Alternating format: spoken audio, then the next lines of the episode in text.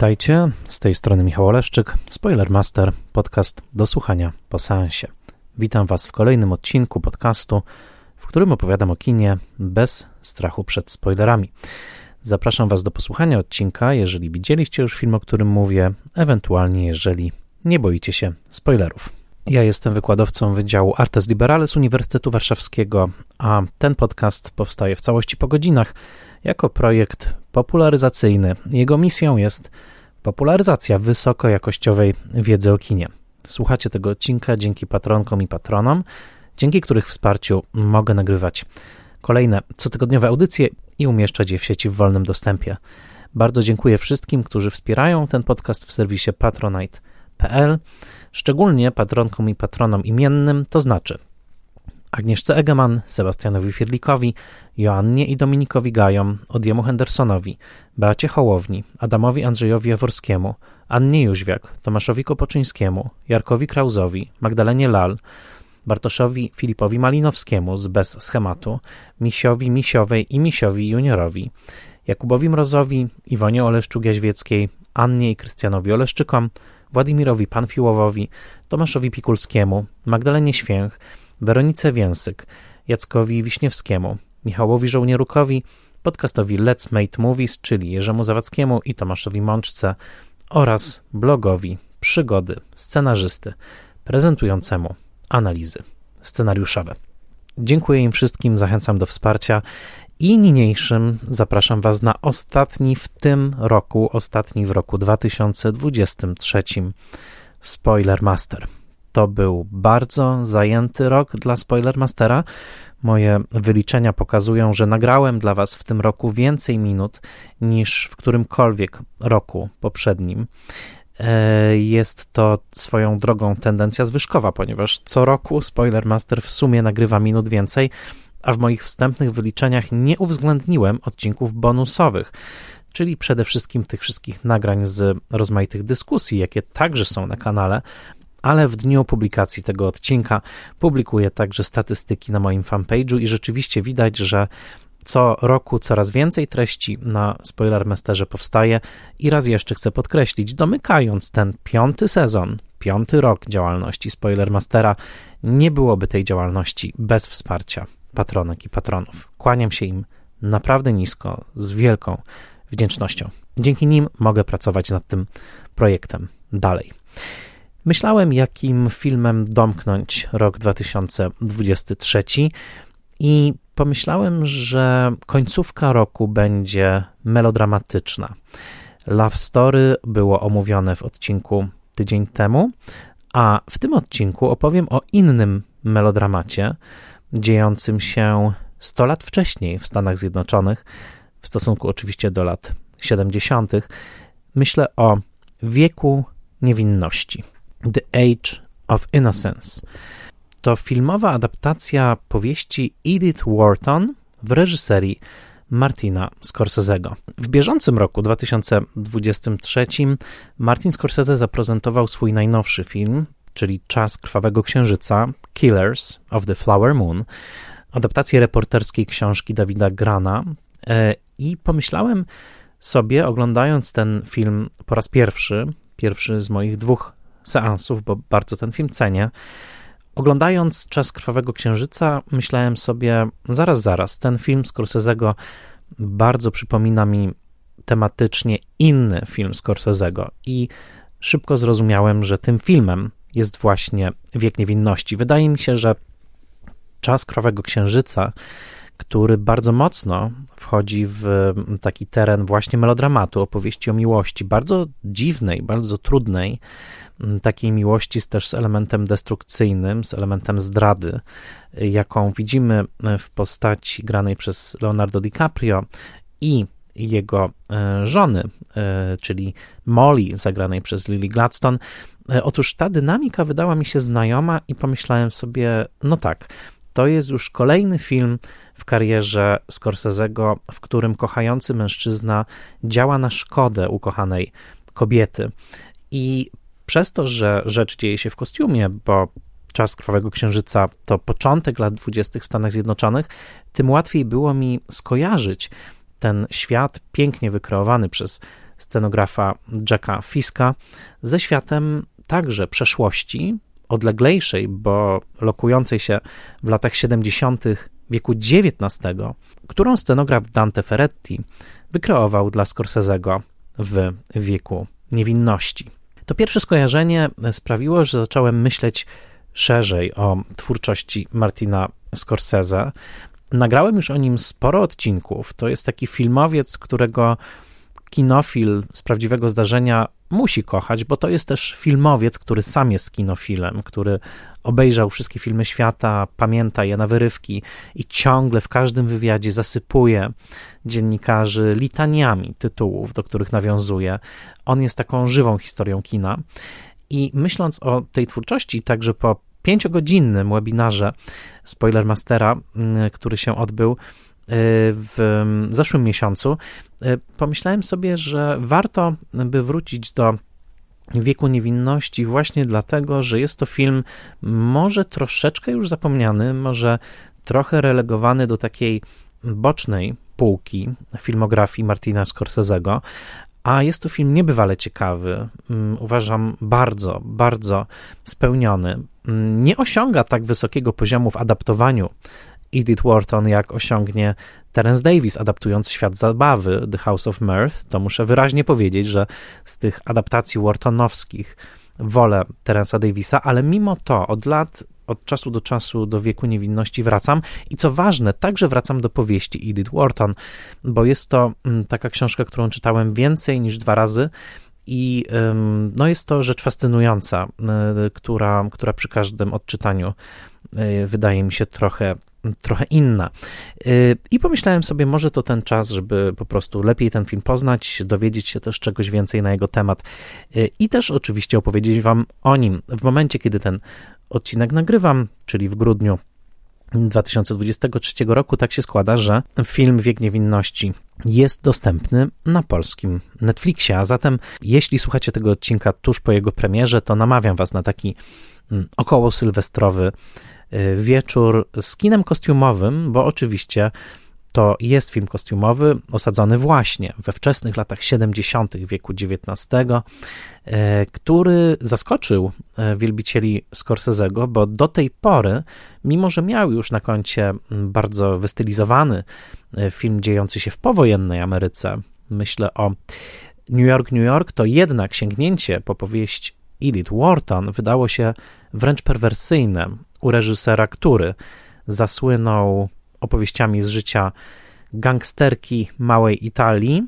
Niedawno opowiadałem o ulicach nędzy w tym podcaście, to rok 73, a wówczas, na początku lat 90., był świeżo jeszcze w świadomości kinomanów jako twórca ultra brutalnego spektaklu Goodfellas, Chłopcy z Ferajny, no i oczywiście do dzisiaj niepokojącego, bardzo komercyjnego i niesłychanie brutalnego, a także perwersyjnego filmu, jakim jest remake Przylądku Strachu, Cape Fear. Po tych wyprawach do jądra ciemności, nagłe sięgnięcie po nobliwą literaturę Edith Wharton, kojarzącą się z niesłychanym wyrafinowaniem i prezentowanego świata nowojorskiej elity XIX wieku i stylu samej pisarki, która słynęła z wielkiej kultury słowa i wręcz już w momencie publikowania powieści była oskarżana o pewien elitaryzm w swoich gustach, no to sparowanie nazwisk Scorsese i Wharton samo w sobie miało pewną wręcz marketingową pikanterię. Nieprzypadkowo podkreślam e, ciągłość i pewne rymy dat, które tutaj zachodzą, ponieważ wydaje mi się, że właśnie rok 2023 jest takim ważnym rokiem e, dla 81-letniego Martina Scorsese. Mm, dokładnie 50 lat temu miała miejsce premiera nowojorska Ulic Nędzy, czyli jego przełomowego wczesnego filmu. E, jednocześnie mija właśnie 30 lat od premiery Wieku Niewinności, bo to przecież 1993 rok, a jednocześnie y, jest to czas, w którym ten twórca znowu zaskoczył, znowu zaoferował coś nowego. Wydaje mi się, że czas Krwawego Księżyca to jest nowe słowo w tej już bardzo, bardzo mm, obszernej y, filmografii. A jako, że akcja Wieku Niewinności dzieje się dokładnie na 100 lat przed tym, jak Charlie i Johnny Boy biegali po nowojorskich ulicach, czyli dzieje się w latach 70., tyle że wieku XIX, to wydaje mi się, że jest to dobry czas, żeby opowiedzieć o tym właśnie e, o tym właśnie filmie. E, Martin Scorsese miał 51 lat w momencie, kiedy realizował The Age of Innocence i zacznę od tabliczki kończącej ten film. Mianowicie film jest dedykowany ojcu Scorsese'ego, który wtedy niedawno zmarł i tabliczka kończąca film to napis For my father, Luciano Charles Scorsese. E, tu wiecznie powtarzam, że to nazwisko jest czytane w amerykańskim kontekście zawsze jako Scorsese, ale u nas to się na tyle nie przyjęło i mówimy Scorsese, że po prostu posługuje się tą e, wersją spolszczoną. No właśnie, zacznijmy od tej tabliczki, bo może ona będzie dla nas dobrym drogowskazem. Kiedy reżyser kończy pięćdziesiątkę, to zwłaszcza jeżeli jest to reżyser odnoszący sukcesy, jest to reżyser płodny, często pojawia się w tej twórczości jakiś ton mm, refleksyjny. Mniej więcej wtedy w swojej karierze, troszeczkę jednak młodszy od Scorsese'ego, Steven Spielberg nakręcił listę Schindlera, która zresztą zdominuje e, Oscary 93 roku, Oscary, na których Wiek Niewinności będzie miał zaledwie kilka nominacji. To swoją drogą Wiek Niewinności i kostiumy Gabrieli Pesucci pokonały Annę Biedrzycką-Shepard i jej kostiumy do listy Schindlera. E, to taki oscarowy przypis, ale rzeczywiście jest pewien ton mm, późniejszego wieku średniego w mm, tej twórczości Scorsese'ego w latach 90. i wydaje mi się, że początkiem tej refleksyjności jest właśnie Wiek Niewinności, czyli ten film, o którym Wam dzisiaj opowiem. Ale patrzę wciąż na, jeszcze na tą tabliczkę kończącą film i mm, zaskakuje mnie fakt, że we wcześniejszych filmach Scorsese'ego, ilekroć ojciec się pojawiał, a przecież ojciec e, Scorsese'ego pojawił się i w dokumencie Italian American, i także w epizodycznych rulkach w jego filmach późniejszych, E, nazwisko jego i we wszystkich źródłach, jeżeli wpiszecie do Google mm, ojciec Scorsese'ego, no to wyskoczy wam hasło Charles Scorsese, ponieważ on tak przede wszystkim funkcjonował. Natomiast e, kończąc wiek niewinności napisem For my father, Luciano Charles Scorsese, syn przywraca ojcu także to jego włoskie imię. I kiedy patrzymy na tę zbitkę Luciano i Charles, to widzimy tak naprawdę rozpadlinę, przepaść pomiędzy światem starym, Europą, Włochami, z których rodzina Scorsese'ego przyjechała, e, oczywiście z Sycylii, a nowym światem, Ameryką. I przypomnę, że autobiograficzny bohater ulic Nędzy nazywał się Charlie nie bez powodu, ponieważ był to także zakamuflowany portret ojca Martiego. A zatem w tej kończącej film Wiek Niewinności tabliczce mamy ową wyrwę pomiędzy starą Europą i nową Ameryką. Wyrwę, w której Martin Scorsese, potomek Sycylijczyków wychowujący się na ulicach małej Italii, na ulicach takich jak Mulberry Street czy Elizabeth Street w Nowym Jorku, otóż w tej rozpadlinie pomiędzy światami Martin Scorsese wytworzył zupełnie swoją własną wrażliwość kulturową. O tej rozpadlinie oczywiście opowiadał już między innymi w ulicach Nędzy, gdzie e, niebywale rozbuchane ceremonie uliczne święta świętego Januarego spotykały się ze światem plugawych klubów i drobnych rzezimieszków, ale w wieku niewinności, sięgając po powieść Edith Wharton za namową swojego przyjaciela i współscenarzysty Jaya Coxa, który podsunął mu tę książkę już po realizacji Wściekłego Byka w roku 1980 jako interesujący następny projekt. Otóż sięgając po tę powieść, Martin Scorsese daje nam tak naprawdę coś w rodzaju archeologii własnego świata, archeologii Nowego Jorku, archeologii Ameryki jako przestrzeni starcia i spotkania tego, co stare, europejskie i tego, co nowe, amerykańskie. Oczywiście to nowe także mocno jest zakorzenione w wartościach purytańskich. o których na pewno jeszcze więcej powiemy w tym odcinku. I na początku tego odcinka, wpatrując się wciąż w tę tabliczkę Luciano Charles, to jednocześnie Włoch, jednocześnie Amerykanin, jednocześnie ojciec Martiego, wpatrując się w tę tabliczkę, chciałbym, żebyście zmrużyli oczy i zobaczyli, że gdybyśmy poukładali filmy Martina Scorsese'ego nie w kolejności ich powstania, czyli nie w ten sposób, że zaczynamy gdzieś przy ulicach Nędzy i kończymy przy, mm, na razie oczywiście, przy czasie Krwawego Księżyca, tylko raczej gdybyśmy poukładali je epokami, w których się rozgrywają, mielibyśmy całkiem długą, pokaźną i całościową opowieść o Ameryce jako takiej, Pomijam fakt, że musielibyśmy zacząć 2000 lat temu, bo ostatnie kuszenie Chrystusa dzieje się jeszcze wcześniej. No i oczywiście XVII-wieczna Japonia milczenia to także trochę inna bajka, ale stricte filmy amerykańskie Scorsese'ego dotykają tak naprawdę kolejnych stuleci rozwoju tego państwa. Mielibyśmy na pewno wiek niewinności, gangi Nowego Jorku, ale ostatnio właśnie czas Krwawego Księżyca i kiedy e, w latach dwudziestych rozgrywający się w wieku XX i właściwie wszystkie późniejsze dekady także znajdą się u Martina Scorsese'ego jako tematy. Myślałem o tym bardzo mocno, kiedy oglądałem Czas Krwawego Księżyca i później, kiedy wróciłem do wieku niewinności, bo przecież Manhattan, wyspa, na której sam Martin się wychował i na której dzieje się akcja wieku niewinności, została zakupiona przez Holendrów od Indian za mm, śmieszne i symboliczne i e, skandalicznie małe pieniądze. Jest to wyspa, która do dzisiaj nosi nazwę właśnie indiańską Manhattan. Więc e, gangi Nowego Jorku i wiek niewinności dzieją się na indyjskiej wyspie, tak naprawdę.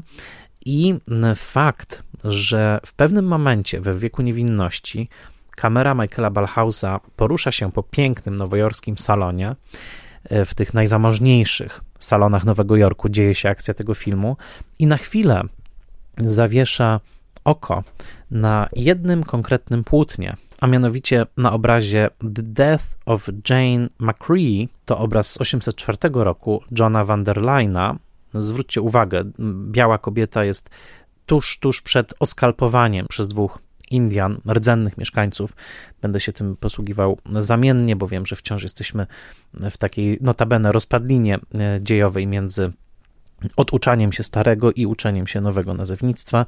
Otóż mm, ten obraz e, zwrócił moją uwagę właśnie w kontekście czasu krwawego księżyca, bo pomyślałem sobie, no tak, we wieku niewinności jesteśmy wśród tych ludzi, e, którzy mm, czcili pamięć po Jane McRae, mm, najprawdopodobniej zamordowanej przez Indian, którzy byli lojalistami brytyjskimi, podczas kiedy w 2023 roku Scorsese już opowie historię bardziej z perspektywy e, ofiar, rdzennych mieszkańców USA, którzy doświadczyli z kolei przemocy od e, białych kolonizatorów. Więc e, to bardzo ciekawe, jak cała twórczość Scorsese'ego opalizuje i zmienia się w zależności od biegunów, na jakich w danym momencie jest ustawiona i takich wektorów, które sam Scorsese wybiera. To jest twórca, który z dekadami swojego życia także się zmienia i coraz to nowe rzeczy go interesują, więc jest to dla mnie także pod tym względem ciekawe. Mm, Wiek Niewinności to, jako się rzekło, adaptacja powieści Edith Wharton, powieści wydanej po raz pierwszy w odcinkach w roku 1920.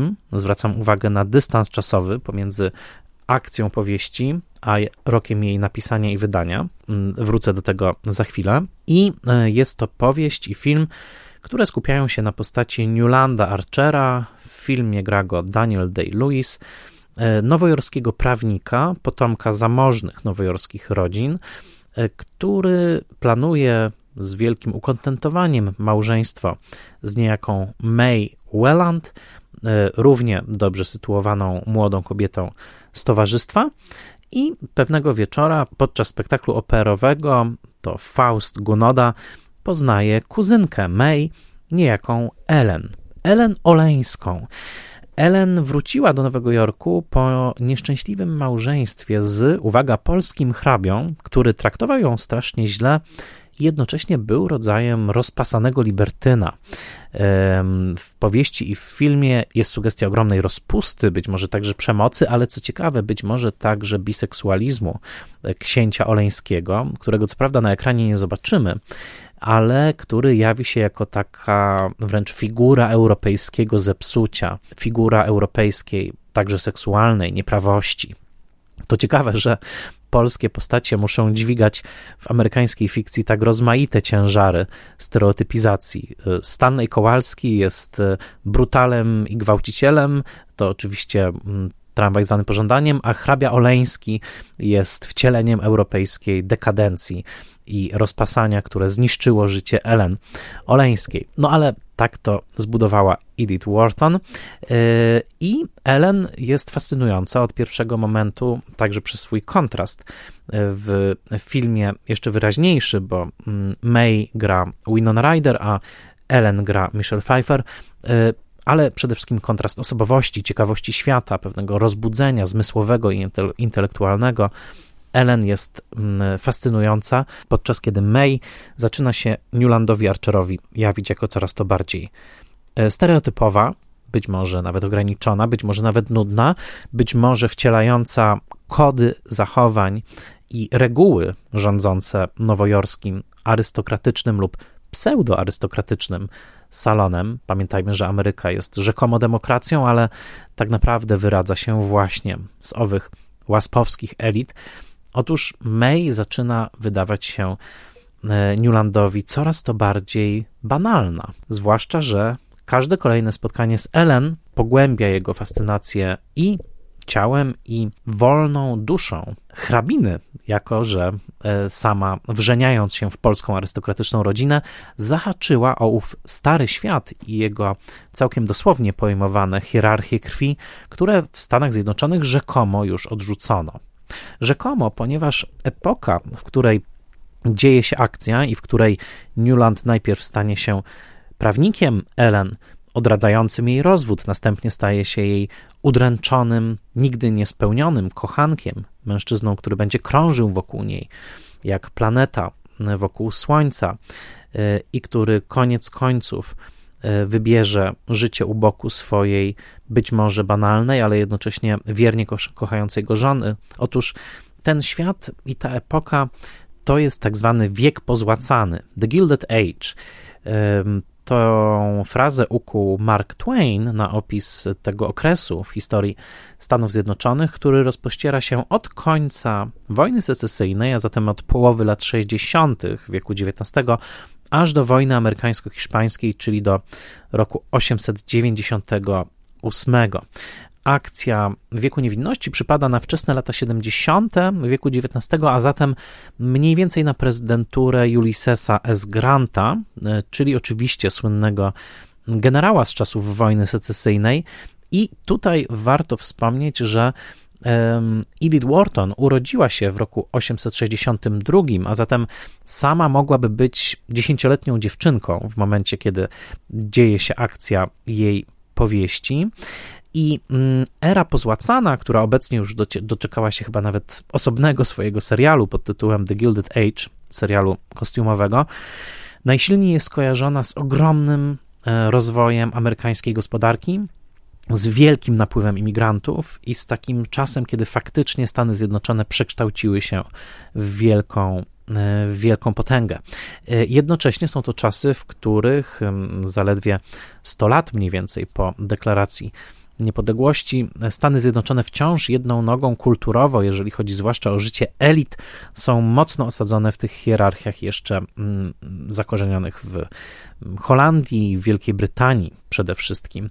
A zatem fascynujący, paradoksalny czas, w którym z jednej strony mm, rzeki imigrantów napływają, budują dosłownie fizycznie tę potęgę, rozwija się kapitał, a jednocześnie Ameryka cały czas stara się aspirować do wzorców kultury europejskiej w takim dosyć niewygodnym tańcu z tą kulturą. Z jednej strony odcinając się od starego świata, a z drugiej strony e, nie do końca jeszcze wiedząc, na czym ma polegać ten nowy amerykański świat. Przypomnę, Luciano i Charles w jednym. Newland krąży wokół Ellen, Ellen krąży wokół innych mężczyzn, narażając coraz bardziej swoją reputację w oczach bardzo konserwatywnie i purytańsko wręcz nastawionego nowojorskiego salonu. I koniec końców Ellen wybierze Europę, a Newland wybierze May. W fantastycznie rozegranej scenie pod koniec filmu, kiedy Newland już, już miał zaanonsować swojej żonie, że najprawdopodobniej wybierze się w długą podróż, niemal równoznaczną z jawnym prawie nawiązaniem romansu z Ellen, May informuje go, że jest w ciąży. Jednocześnie dopowiada, że informację tą, mimo że nie była jej do końca pewna, przekazała wcześniej Ellen i stąd wcześniejszy wyjazd Ellen z Nowego Jorku. Ta scena rozmowy Daniela Day-Lewisa z Winoną Ryder, która chyba właśnie zapewniła e, nominację Oscarową za drugoplanową rolę żeńską Winonie, mimo że tego roku wygra Anna Paquin za fortepian, to fantastyczna scena dialogowa e, z genialnym montażem Telmy Schoonmaker. May, która do tej pory jawiła się trochę oczami Newlanda, jako naiwna, jako nie do końca ogarniająca wszystkie sprawy wokół niej, w tym momencie ujawnia swoją siłę jako prawdziwa rozgrywająca, która dokładnie wie, e, na czym polega jej przewaga w tym tradycyjnym małżeństwie, w którym ciąża i konieczność opieki nad dzieckiem jest kartą, która bije wszystkie inne, a z drugiej strony na czym polega jej przewaga w umiejętnym dawkowaniu informacji, ponieważ jakkolwiek May nigdy nie powie wprost: Kochałeś Ellen. Bardzo dobrze to wie, potwierdzą to także słowa jej syna, już dawno po jej śmierci, a w tej scenie, podpowiadając, że wcześniej już sprzedała informację o swojej podejrzewanej ciąży, e, Ellen tak naprawdę przypieczętowała los Newlanda.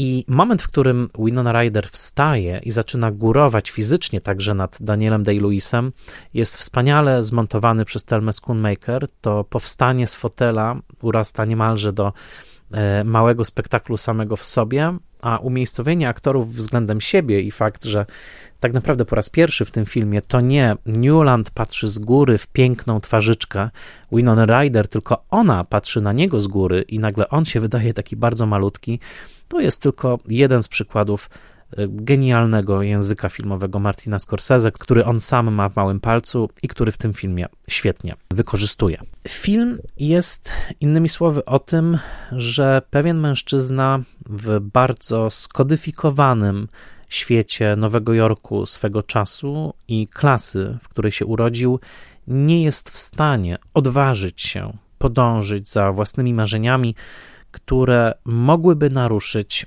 klasowe i moralne status quo. To chyba zabrzmiało dokładnie jak opis Charliego z ulic Nędzy. Myślę, że się zgodzicie, ponieważ dokładnie ta sytuacja jest e, sytuacją i Archera w XIX-wiecznym Nowym Jorku i Charliego w małej Italii lat 60. i 70. Ci dwaj mężczyźni, być może autobiograficznie w stosunku do Scorsese, także nie potrafią przekroczyć e, horyzontów własnej kasty i własnej kultury. Tak jak Teresa, grana przez Amy Robinson w Mean Streets, jest pogardzana przez wuja Charliego za to, że jest epileptyczką, innymi słowy, jest niezdatna do małżeństwa. Tak samo Ellen, jako wpierw uciekająca przed mężem, a później rozwódka, nawet potencjalna, jest y, poza możliwym marginesem zainteresowania. Przypomnijmy sobie także Charliego, który w pierwszej scenie ulic Nędzy przygląda się czarnej tancerce erotycznej na scenie i mówi: Jest piękna, ale jest czarna. Później umawia się z nią i w ostatnim momencie Widząc ją, że już ta dziewczyna na niego czeka w bramie, odwraca się i ucieka. Nie jest w stanie e, odważyć się przekroczyć e, zasad i uprzedzeń przede wszystkim, które wpojono mu w jego własnej kaście. E, porównajcie to ze sceną, kiedy Newland Archer wpatruje się w Ellen, wpatrzoną z kolei w morze, w takim pięknym, impresjonistycznym kadrze z podzielonym na pół przez latarnię morską i mówi sobie, jeśli ona się odwróci, zanim statek przepłynie obok latarni, wówczas zawalczę o nią. Statek przepływa, Ellen się nie odwraca Wielu krytyków sugeruje, że Ellen dobrze wie, że on stoi tam z tyłu. I w tym momencie zapada klamka. Newland nigdy nie będzie z kobietą, którą tak naprawdę kochał. Oczywiście wybór scedował na ślepy los, a nie na własną odpowiedzialność. Innymi słowy, dotykam tutaj, krótko streszczając film, oczywiście nie wymieniłem bardzo wielu postaci, które zaludniają ten ul życia społecznego Nowego Jorku, w którym tak lubuje się Scorsese w tym filmie, ale chciałem nakreślić podobieństwa, bo wydaje mi się, że wiele filmów Scorsese'ego jest właśnie o męskości na różne sposoby i dostrzeżemy różne wersje autoportretu Scorsese'ego także w jego postaciach. I chcę zwrócić uwagę, że Newland Archer jest postacią bardzo, bardzo mocno zakorzenioną w mm, uniwersum Scorsese'ego i myślę, że też moglibyśmy go zestawić z Leonardo DiCaprio w czasie Krwawego Księżyca, ponieważ y, podtruwający swoją małżonkę na życzenie wuja bohater w tym filmie. Jak najbardziej można go zestawić z Newlandem, który w pewnym sensie także podtruwa Ellen na życzenie kasty, w której sam tkwi, zamiast działać dla jej faktycznego faktycznego dobra.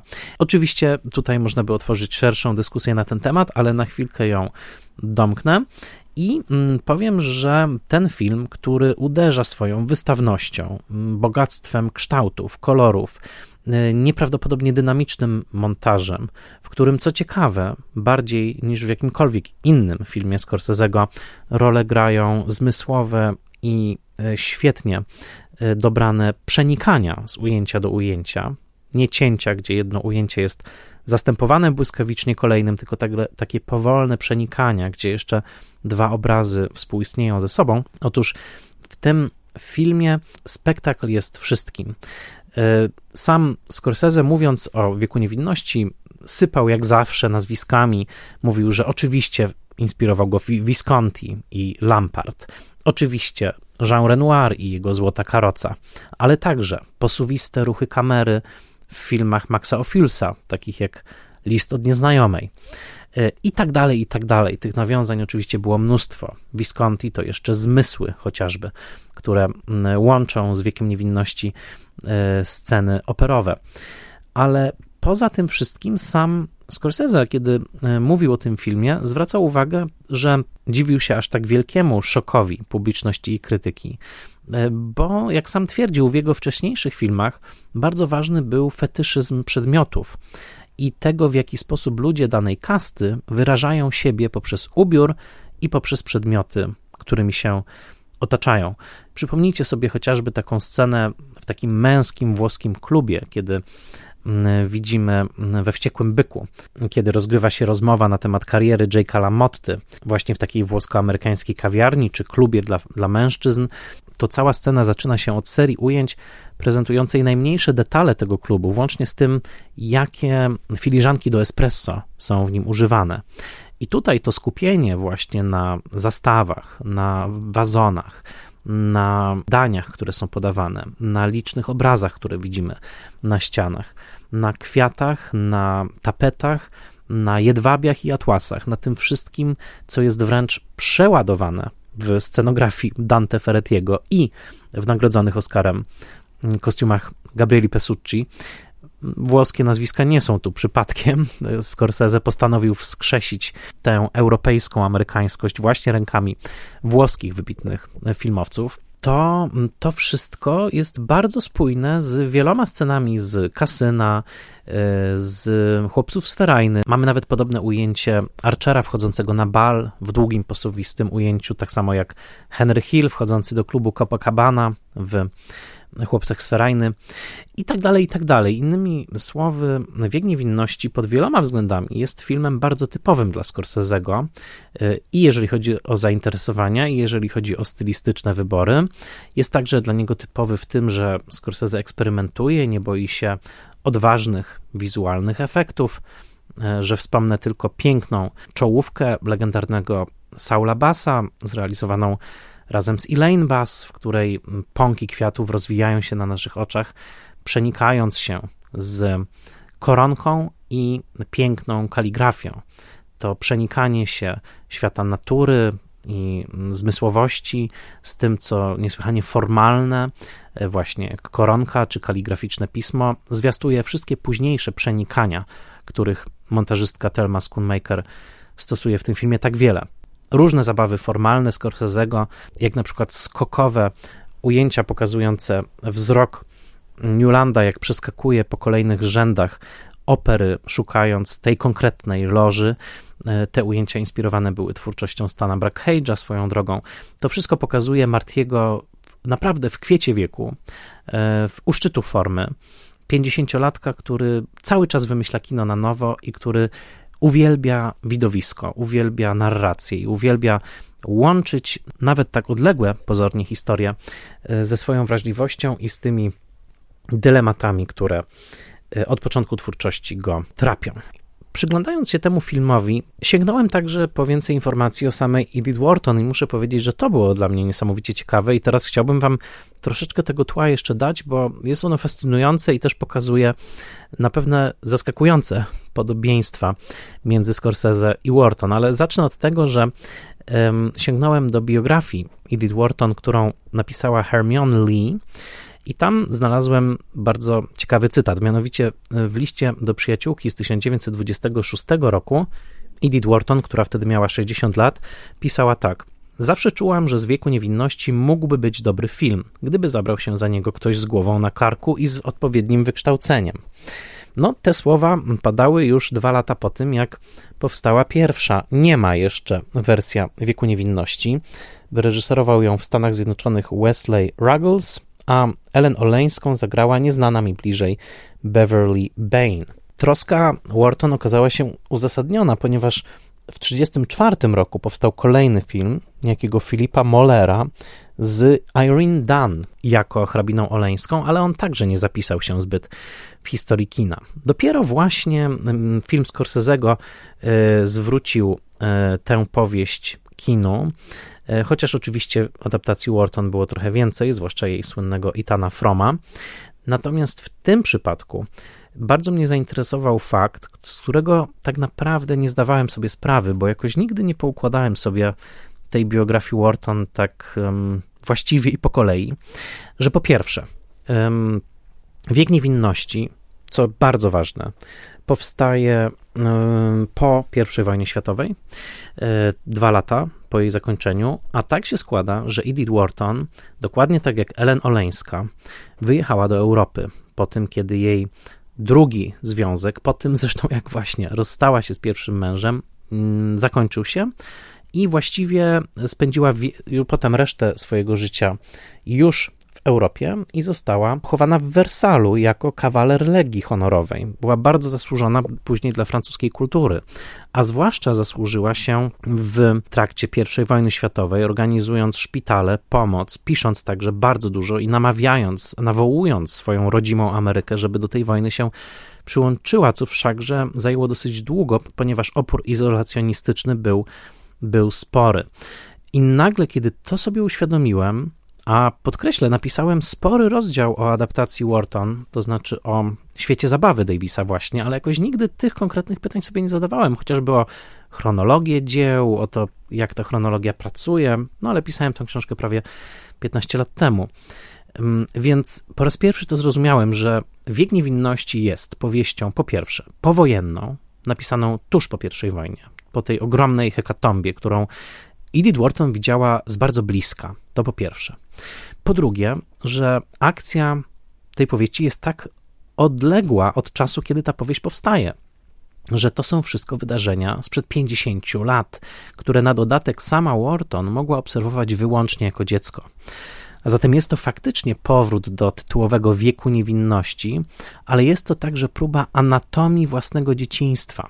To jest trochę tak, jakby ktoś dzisiaj pisał powieść i osadził ją w późnych latach 70. albo wczesnych 80., kiedy myślę o takich artystach jak, nie wiem, Konrad Aksinowicz, autor świetnego polskiego filmu Powrót do tamtych dni.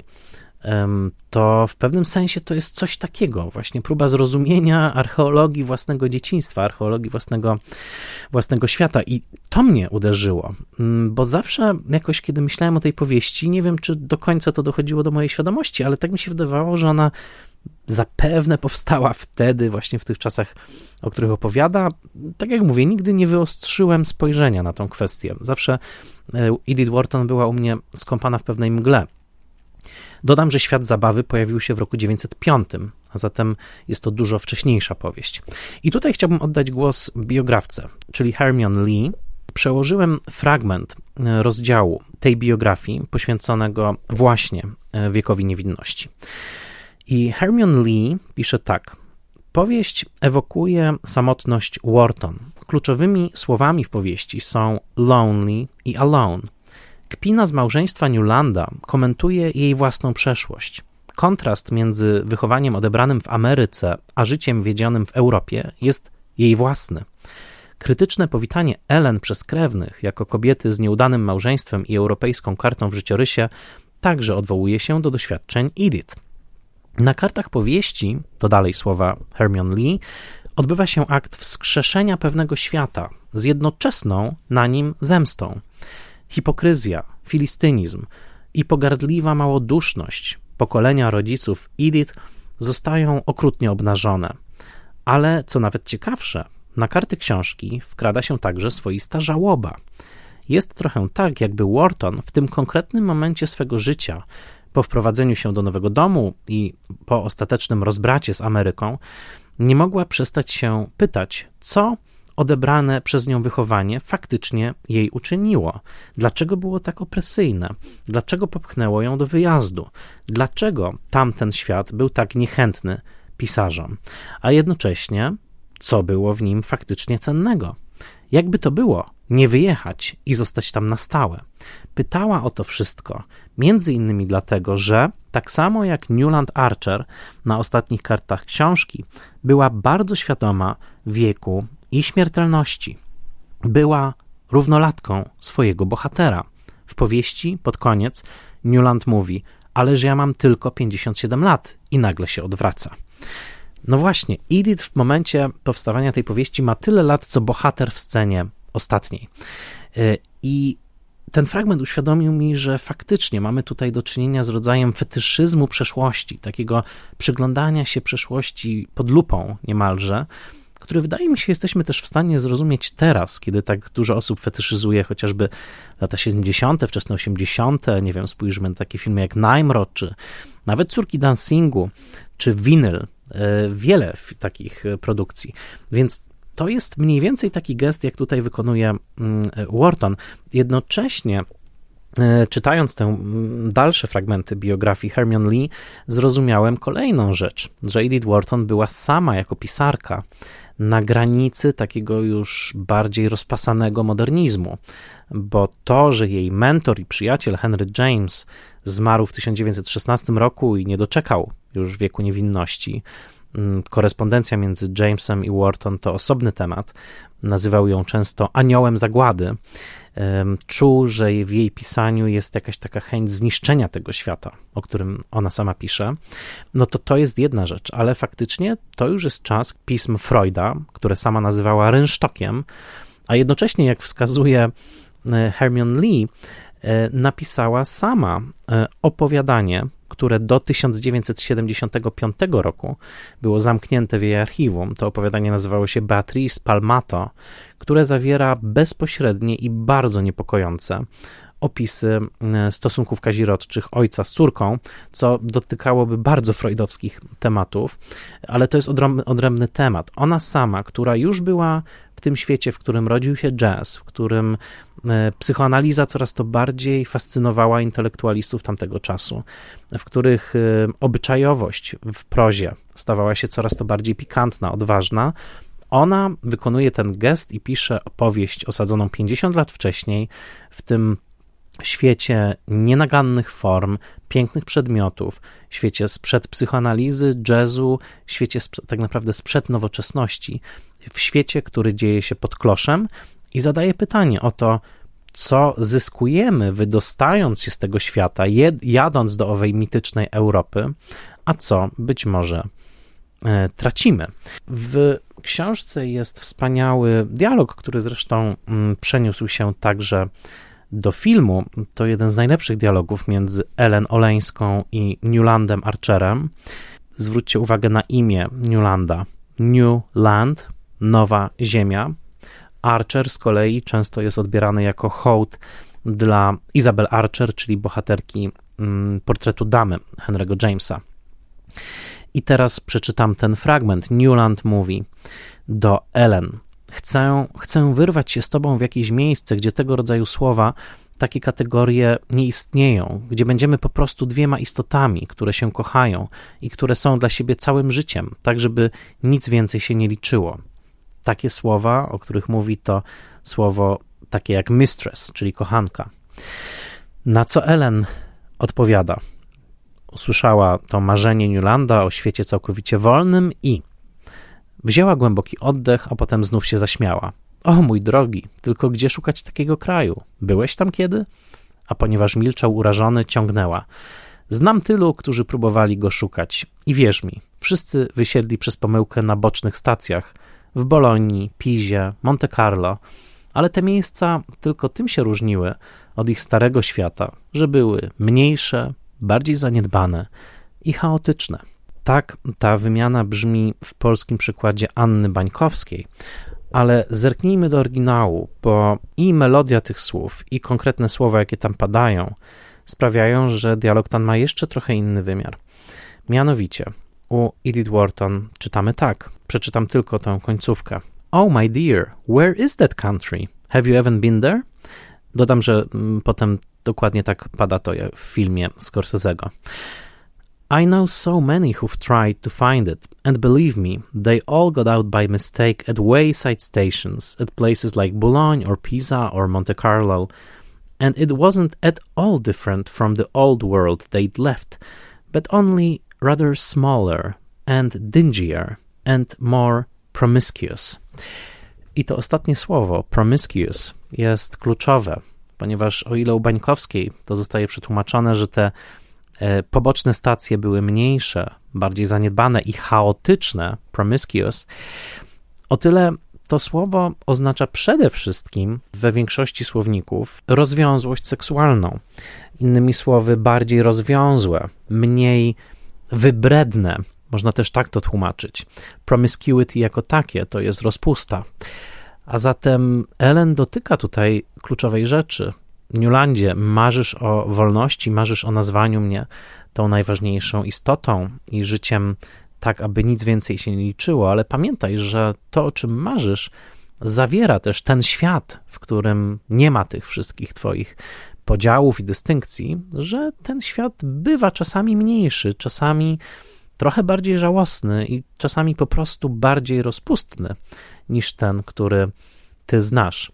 I w tych słowach Ellen, która pamiętajmy, doświadczyła tego hrabiego Oleńskiego, który dla Purytan w tym świecie jest wręcz podejrzany. Jeden z bohaterów mówi, że ma takie długie rzęsy, kolekcjonuje porcelanę. To wszystko jest oczywiście kodowaniem bi albo homoseksualności, ale Ellen doświadczyła takiego świata, którego mm, Newland Archer jeszcze nie widział.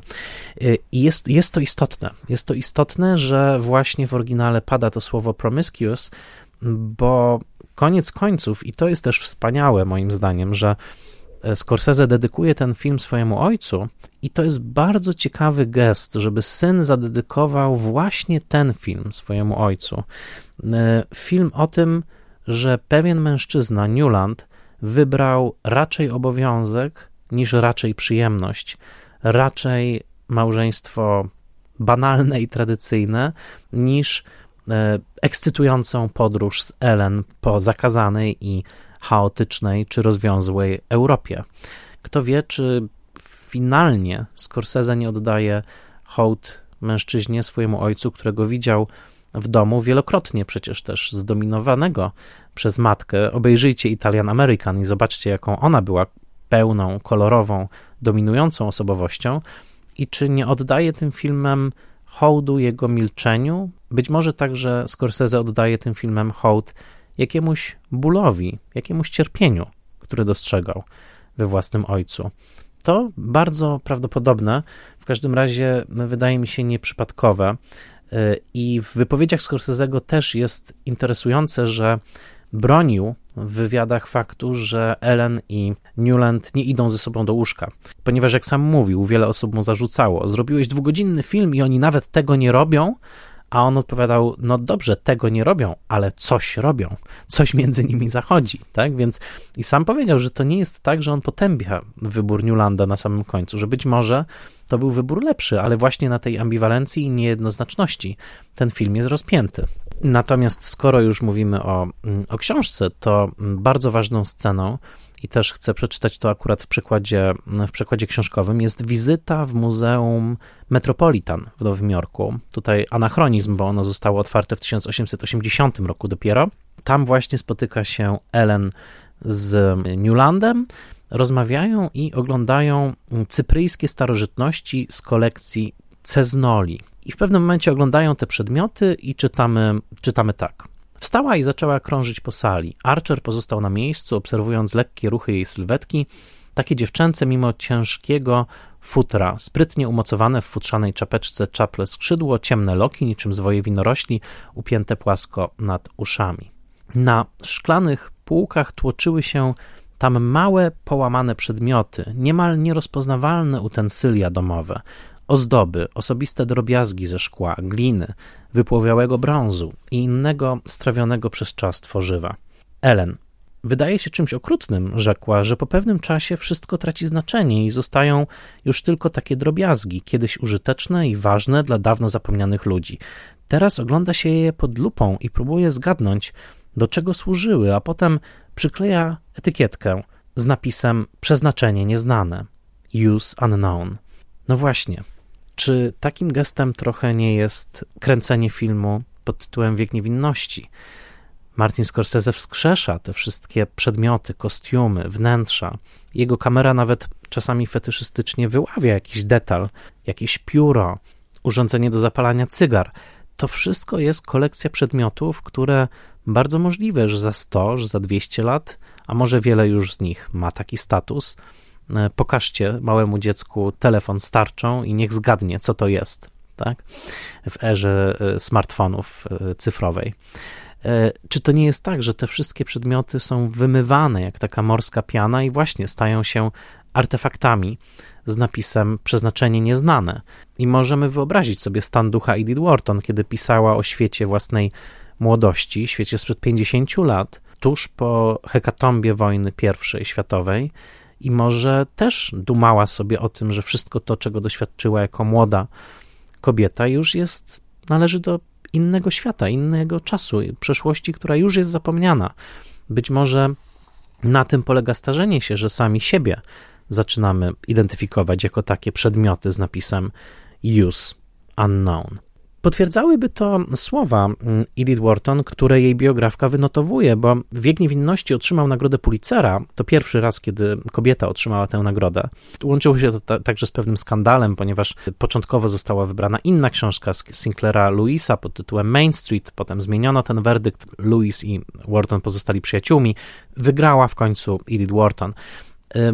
I w maju 1923 roku mm, już 61-letnia Wharton płynie znowu do Stanów Zjednoczonych po dłuższej przerwie z Europy y, i mm, jest na statku, pisze w swoim dzienniku słowa odnotowane przez Hermione Lee. Piękne słowa. No cóż, ten sam Atlantyk co zawsze. Przepraszam, ale nie mamy. No cóż, ten sam Atlantyk co zawsze. No tak, jak już się płynie któryś raz, prawda, no to, to ten sam Atlantyk. Zwłaszcza jak patrzy już człowiek 60-letni. I już kiedy odebrała ten doktorat mm, honoris causa na Yale, mm, co też bardzo mnie ucieszyło, mm, była bardzo uhonorowaną pisarką w swoim czasie. Napisała tak o Ameryce. Wracając tutaj po latach, czuję się, jakbym wracała na cmentarz. Wszyscy, których kiedyś tu znałam, po roku 1914 zdążyli wymrzeć.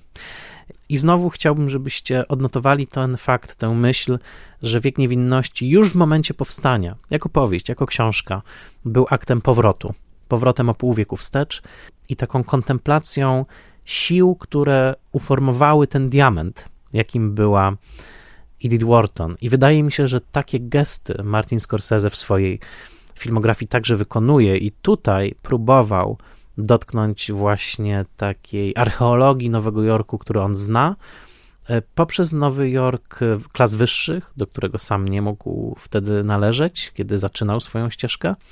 Mm, zwróćcie uwagę, że tych fal imigrantów to raczej nie zobaczymy w wieku niewinności, ale na pewno zobaczymy jeden niezwykły obraz w tym filmie.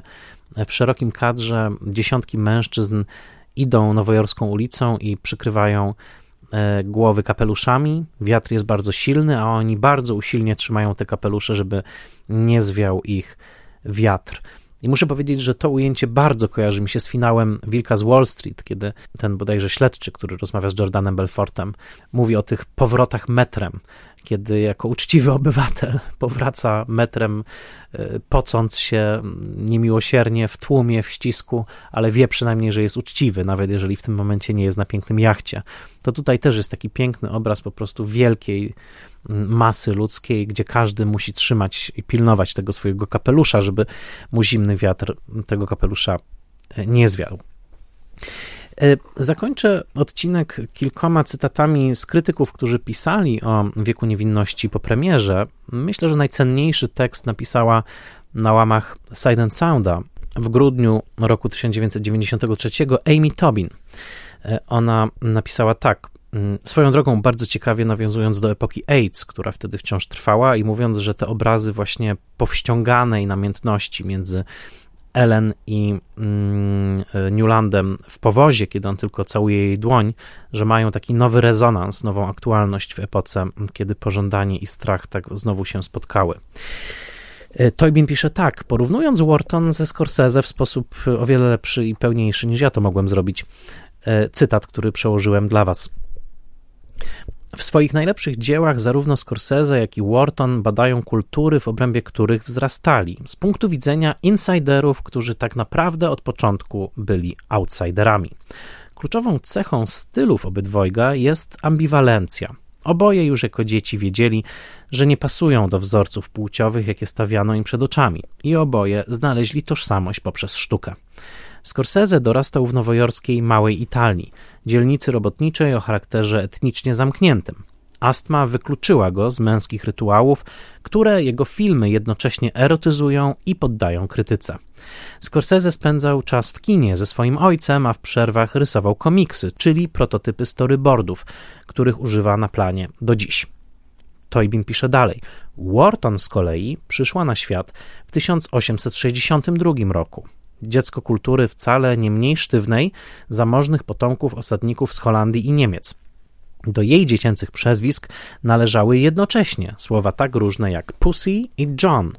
Mimo, że jej środowisko patrzyło na pisarstwo jako czynność frywolną, Edith pożerała bibliotekę ojca i zaczęła pisać w wieku lat 12. Kiedy zerwała pierwsze zaręczyny, periodyk Daily News z Rhode Island spekulował, że przyczyną była najpewniej, cytat, skłonność niedoszłej panny młodej do intelektualizmu. Wharton nie traktowała się poważnie, aż w końcu Świat Zabawy stał się bestsellerem w 1905 roku. Podobnie jak Scorsese, e, Wharton trzyma się kodów realizmu i w ten sposób porusza się w rozkroku między sztuką wysoką a kulturą popularną. Tak pisała Amy Tobin na łamach Silent Sounda w grudniu 1993. I jeszcze jeden cytat z tego samego eseju. Nowym elementem u Scorsese'ego jest w tym filmie fakt, że luki między pożądaniem i działaniem nie da się tym razem wypełnić przemocą fizyczną. Ani rzezią w wykonaniu Travisa Bickla, ani waleniem głową o cegły w wykonaniu Jake'a LaMotty. Wyparte nie wraca w tym nowym filmie, a jedynie pogłębia lęk i ambiwalencję. Piękne słowa. Kiedy film wyszedł na Blu-rayu e, wydany przez Criterion Collection, Jeffrey O'Brien napisał w dostępnym także w sieci eseju na temat tego filmu e, bardzo ładny esej i tam jedno zdanie zwłaszcza, bo on zwraca uwagę na tą niesamowitą zmysłowość tej sztuki, którą otaczają się Nowojorczycy w tym filmie. E, opera, malarstwo, na którym widzimy także roznegliżowane ciała i przemoc seksualną, i to wszystko jest takie namiętne, może nawet groźne, a jednocześnie oni sami są cały czas e, pod krawatem i, i, i, i tłumią te swoje popędy. I O'Brien pisze tak: Ci uprzywilejowani Nowojorczycy nie potrafią dosięgnąć poziomu intensywnej ekspresji, jakim emanują ich kolekcje i kosztowności. Ładne zdanie, zwłaszcza w kontekście tych scen operowych. Mm, natomiast krótko później, kiedy na ekrany telewizji wszedł, także w polskiej telewizji był, pamiętam to, y, trzyczęściowy film dokumentalny Scorsese'ego, y, mm, to się po polsku chyba nazywało Osobista podróż Martina Scorsese'ego przez kino amerykańskie, jakoś tak. Y, piękne, zresztą do teraz polecam, bo to jest taka biblia amerykańskiego kina poprzez oczy Scorsese'ego opowiedziana, z pięknie dobranymi klipami to kiedy to wyszło, to dwa lata później na łamach Silent Sounda także Raymond Dergnat E, napisał, napisał tak, porównując Scorsese'ego z Frankiem Borzegim, czyli reżyserem głównie działającym w latach 20. i 30. Borzegi i Scorsese wcielają dwie twarze amerykańsko-włoskiego katolicyzmu. Borzegi, romantyczny poeta ludzi z nizin, uprawia liryzm czułej pary, tender couple. Scorsese natomiast uprawia realistyczny intymizm męskiej agresji, mieszając po swojemu samotność i zamaszystość, drażliwość i tolerancję.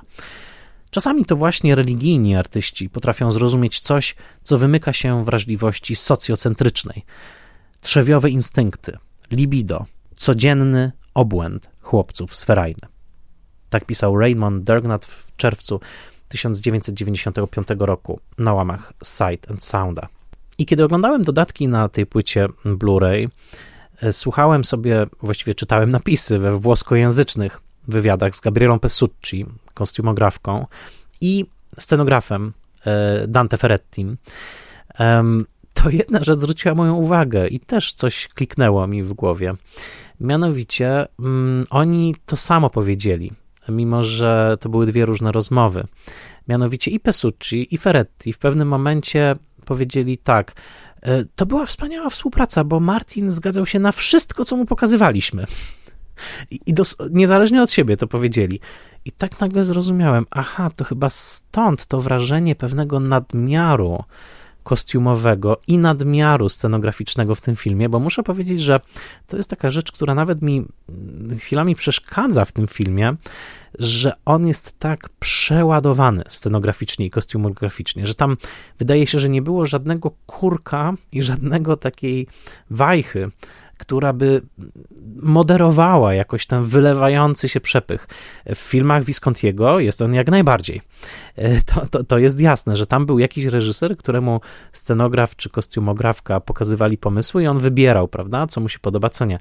A tutaj te dwie wypowiedzi Ferretiego i Pesucci nagle pozwoliły mi zrozumieć, co się tutaj wydarzyło.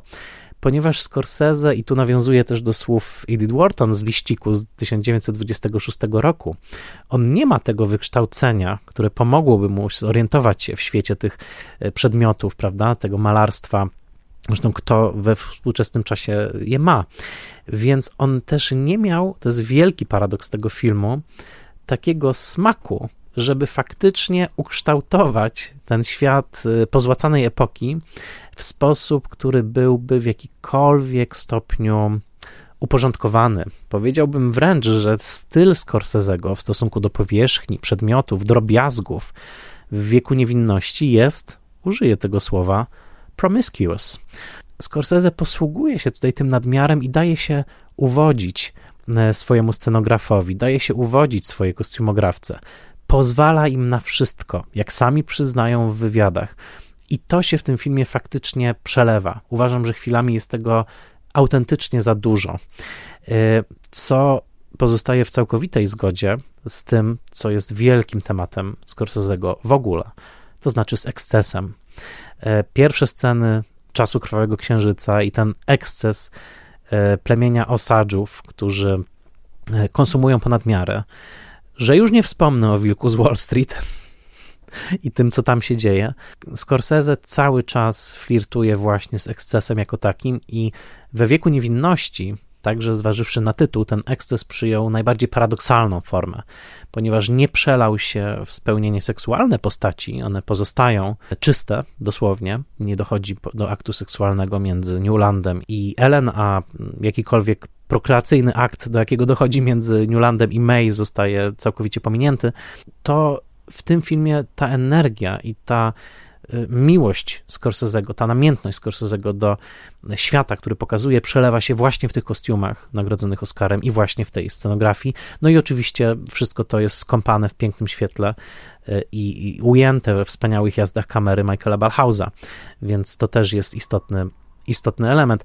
Ale w pewnym sensie mam takie podejrzenie, i tu już będę kończył, nie wiem, czy Edith Wharton byłaby do końca zadowolona z tego filmu. Oczywiście to są czyste spekulacje, ale jako, że sama wydała książkę na temat dekoracji wnętrz w 1897 roku, e, i znowu mówię to jako ktoś, kto nie ma wystarczającej wiedzy, ale bardzo możliwe, że mogłaby na to spojrzeć i szepnąć trochę przeładowane. No ale cóż, za jej książkę wziął się chłopak z małej Italii, uwiedziony przez kino Pauela Pressburgera, Ofilsa i innych i postanowił zaszaleć i miał do tego absolutne prawo, a jednocześnie wpisał w to wszystko swój portret męskiego, niezdecydowanego bohatera, zawieszonego między światem ascezy i przyjemności, dokładnie taki portret, jaki od początku swojej twórczości Scorsese. E, Scorsese uprawiał, więc e, to tylko już taki przypis na, na sam koniec, że w tym przyglądaniu się światu tak jakby wydobytemu spod pompejańskich popiołów, Scorsese absolutnie zmysłowo się zatraca. Myślę, że po latach ten film zyskał jeszcze, bo dzisiaj myślę, że takie kino mm, y, y, skręca za bardzo w stronę tego, co Raymond Dergnat określił jako wrażliwość socjocentryczna, to znaczy jest skupienie absolutnie na klasowości, na nierównościach i tak dalej, i tak dalej. Mnie podoba się, nawet perwersyjnie trochę, że Scorsese pomija te nierówności klasowe w tym filmie, nie pokazuje nam nowojorskiej biedoty, tylko skupia się na autodestrukcyjności tej klasy wyższej, mm, ale też zakorzenionej w jakichś atawizmach, y, także erotycznych. No jest to, jest to piękny, paradoksalny, soczysty film, y, w którym mam wrażenie Scorsese zaszalał bardziej niż w wielu swoich innych filmach. A kiedy oglądałem Czas Krwawego Księżyca, e, który został już powierzony mm, scenografowi o zupełnie innej mm, temperaturze, o innym temperamencie, to znaczy Jackowi Fiskowi, e, który tworzy bardzo dotykalne i głębokie tekstury, ale jednak z taką nutą pewnej oszczędności, pewnego, e, pewnej wręcz astetyczności chwilami, to pomyślałem tak, bardzo możliwe, że przez tych 30 lat Scorsese mm, także trochę zmienił wrażliwość i teraz wałkuje ten sam temat, czyli znowu relację mm, damsko-męską, w której jest element destrukcji, e, ale wektory się zmieniły, no a na końcu oczywiście Scorsese pojawia się jako mistrz ceremonii w radiowej audycji, ale chcę powiedzieć jeszcze jedno i nie wiem, czy gdzieś ma to potwierdzenie, bo nie szukałem, ale widziałem dwa razy Czas Krwawego Księżyca i chcę powiedzieć, że jest w tym filmie scena, w, której bohaterka Lily Gladstone jedzie do Waszyngtonu i tam jest zrobione zdjęcie takie oficjalne i słyszymy głos fotografa. I jestem na 99% pewny, że głos tego fotografa to jest głos Martiego Scorsese. I tak się składa, że fotografa także, wykonującego ślubne zdjęcie May w pięknym fraku, gra Scorsese w wieku niewinności. W obydwu tych filmach umiejscowił samego siebie jako tego, który chwyta pewien utracony świat. I tak się składa, że jest to jednocześnie dokładnie ta sama pozycja, którą przyjęła wobec świata przedstawionego Edith Wharton, więc faktycznie może Amy Tobin ma rację, może pokrewieństwo między Wharton i Scorsese jest bardzo, bardzo głębokie.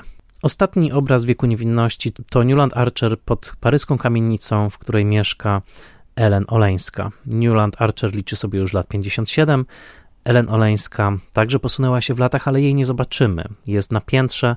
Syn namawia ojca, zdając sobie sprawę z ofiary wielkiej namiętności, jaką kiedyś ojciec złożył.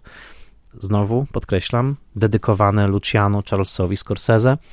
Namawia go, chodź ze mną na górę, ale Newland Archer mówi w powieści: To jest dla mnie bardziej realne tutaj, niż gdybym poszedł na górę. W filmie tego nie mówi. W filmie milczy, zostajemy z nim pod kamienicą Życie Paryża toczy się dookoła, on w pewnym momencie odchodzi. Jest to piękne zakończenie. Człowieka, który kontempluje swój życiowy wybór, kontempluje stratę, jaka z tym wyborem była związana, ale nie wiem, czy możemy lekkomyślnie i łatwo powiedzieć, że kontempluje stratę absolutną. Być może waży to, co zostało zyskane i stracone, być może widzi także tej swojej ofiarze jakąś wartość, a być może oddzielił się od swoich uczuć tak bardzo, że nie jest w stanie nawet skonfrontować się z największą miłością swojego życia, chociażby na popołudniową paryską herbatę. W tym sensie ostatnie ujęcie wieku niewinności byłoby porażającym portretem powolnej, dystyngowanej, odmierzanej uderzeniami laseczki o paryski bruk, ucieczki od samego siebie. Bardzo Wam dziękuję za ten rok. Bardzo Wam dziękuję za to, że mogłem Wam opowiedzieć o wieku niewinności. Dziękuję wszystkim patronkom i patronom za wsparcie, dzięki któremu mogę opowiadać Wam o kinie i dzięki któremu przez ten cały rok spotykaliśmy się wokół kina, także czasami fizycznie, przede wszystkim w przestrzeni kina Muranów, ale nie tylko, odkrywając klasykę na pokazach spoilermasterowych. Mam ogromną nadzieję, że w roku 2024 też się będziemy spotykać, a ja będę do Was nadawał przez większość przyszłego roku za wielkiej wody. Też dlatego wybrałem Wiek Niewinności, że to film europejsko-amerykański, a ja przez pierwszych 6 miesięcy roku 2024 będę do Was nadawał ze stypendium Fundacji Polsko-Amerykańskiej Fulbrighta, e, właśnie e, ze stypendium w Chicago. A zatem teraz dziękuję Wam za wspólny 2023, dziękuję Wam za spotkania z kinem i następny Spoiler Master już za tydzień.